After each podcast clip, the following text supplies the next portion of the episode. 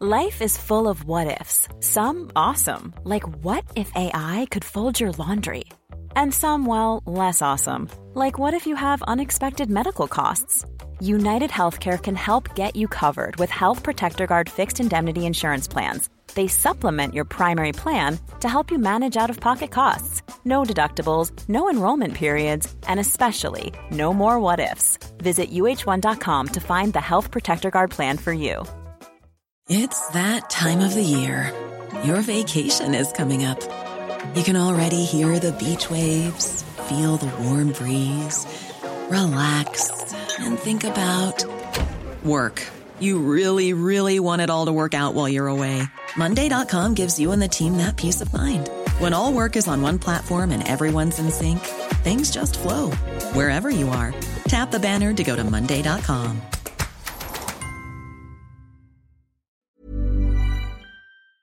Hei, jeg heter Marius Mørk Larsen og er podkastsjef i Finansavisen, og jeg er kun her for å fortelle deg at vi lanserer en helt flett ny podkast om aksjer. Den skal hete Aksjepodden. Du får lov til å høre de første ja, fem, seks, syv, åtte minuttene av podkasten her nå. Og etterpå så er det rett og slett bare å søke opp Aksjepodden der du hører podkast, for dette kommer du til å bli hekta på.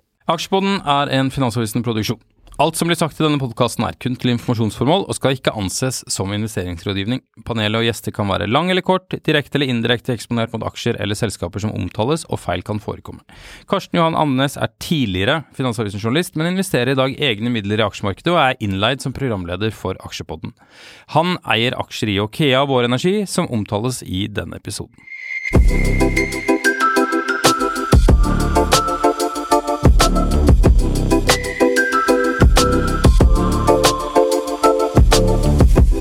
Hei og velkommen til en ny episode av Aksjepodden. Mitt navn er Karsten Johan Andenes, og med meg i dag har jeg Christer Teigen fra Finansavisen og investor Christian Falnes.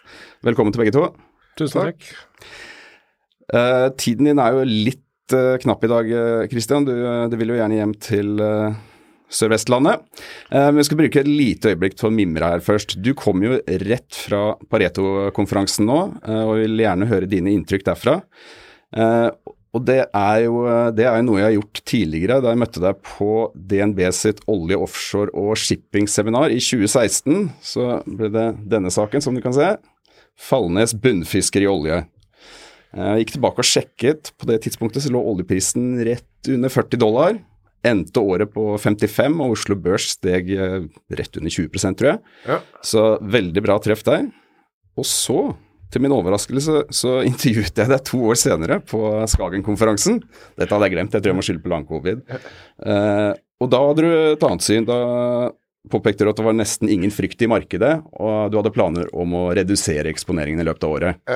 Jeg vet ikke om du gjorde det eller ikke, men du, du traff jo ganske bra. Eh, nedturen kom først på høsten det året, men uh, det ble jo det ble en negativ avkastning på børsen det året. og Siden det i snitt stiger 8-9 per år, så må jeg si det også var veldig bra treff. Så nå, nå, nå får vi se, da. Du, nå går det for hat trick her.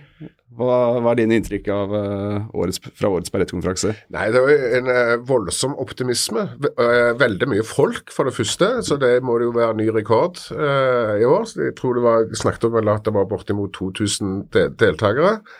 og når det gjelder presentasjonene, så var jo stort sett alle veldig fremoverlente alle nesten som eier stål, eh, mente at nå hadde de eh, pricing power. Og nå skulle de få bedre, bedre, betalt i årene fremover. Det var liksom gjennomgangsmelodien. Mm. Så det var jo, eller liksom inntrykket mitt er jo at det var en eh, voldsom opp optimisme. Og, liksom, og bakteppet er jo liksom i mange For mange industrier så har det jo vært mange år med underinvesteringer og for mye kapasitet og opplag av supply-båter og sånt. Og så er jo ting snudd litt på hodet. At nå er markedet begynt å bli eh, stramt, og så bygges det ikke så veldig mye eh, kapasitet sånn eh, stort sett. Så eh, da eh, da blir det eh, pricing power og, og bedre inntjening som resultat. Mm. Så det er, vel, det vel da man bør eh, begynne å tenke på å selge, eller? Ja, iallfall hvis euforien òg smitter over til aksjemarkedet. Eh, så skal en jo da passe på å, å selge.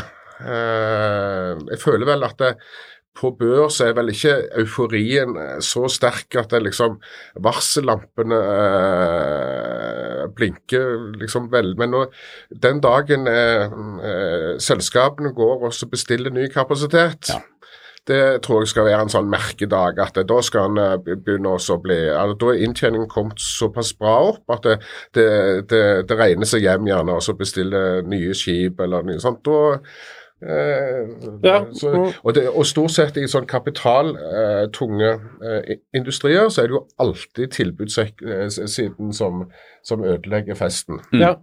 Mm. Det, så det skal en følge med på. Ja, fordi eh, det er jo en, det er jo en, eh, det er jo en det er en helt annen disiplin eh, på det feltet nå enn det har vært eh, tidligere, tidligere, er ikke enig? Ja, iallfall når det gjelder oljeservice, men i shipping så ser en jo eh, veldig mye kontraheringer i enkelte segmenter. En eh, hadde jo veldig god inntjening i innen containerskip eh, eksempel, sånt, i 2020-2021. Og rederne sprang på verft og bestilte nye skip, og nå plutselig så var ordrebok til flåten liksom nesten 40% og så er det jo ikke behov for alle disse skipene, og så vil antageligvis ratene sånt, i det segmentet være veldig lav i veldig mange år. Så det er liksom noe som er typisk sånn byg, bygd i hæl. Og så ser en òg det samme liksom eh, nå i, i bilskip. Nå er jo ordrebok til flåte sånn passert 30% der. Så det liksom eh, blinker litt røde lys, men ikke sånn veldig ild, ildrødt. Men det er, jo, det er jo noe som en skal følge med på. Og til og med eh, innen tank, product tank nå, så har det blitt kontrahert ganske mye nye skip nå i første halvår. Så nå er liksom ordrebok til flåte på, innen pro- product tank kommet opp på 10% Og det var vel sånn inngangen til året 3 sånn, Sånn at det en skal alltid følge med på til, tilbudssiden. Ja. Ja, så da er det vel ikke altså, det, Så du sitter egentlig og venter på når du skal selge deg ned, da? I, for, for du har jo investert i f.eks. Bil, bilfrakt og, og Ja. kjemikalietank, er det ikke det? Ja. Eh, når det gjelder bil, så har jeg jo investert i Gram Car Car Carriers. Det har jeg jo vært med helt siden eh, de gikk på børs, IPO-en. Eh, fordelen med det selskapet er jo at de har låst inn eh, sikker inn, inntjening. De har slutta skipene eh, veldig langt på ve veldig gode, gode betingelser. Så i forhold til liksom, dagens pri prising, så kan du liksom regne deg hjem med den backloggen som de har med, med gode motparter. da. Så du trenger ikke sette en sånn kjempeverdi på liksom restverdi etter, etter kontraktsutløp. Oi! Var det slutt allerede, her hadde du hørt alt? Vel, husk hva jeg sa i starten. Du trenger bare å søke opp Aksjepodden, så kan du høre resten av episoden med én gang. Så ikke kast bort tid på å høre på meg. Løp og søk, og hør Aksjepodden nå. Økonominyhetene er en podkast fra Finansavisen. Programledere er Marius Lorentzen, Stein Ove Haugen og Benedikte Storm Bamvik. Produsenter er Lars Brenden Skram og Bashar Johar. Og ansvarlig redaktør er Trygve Hegnar.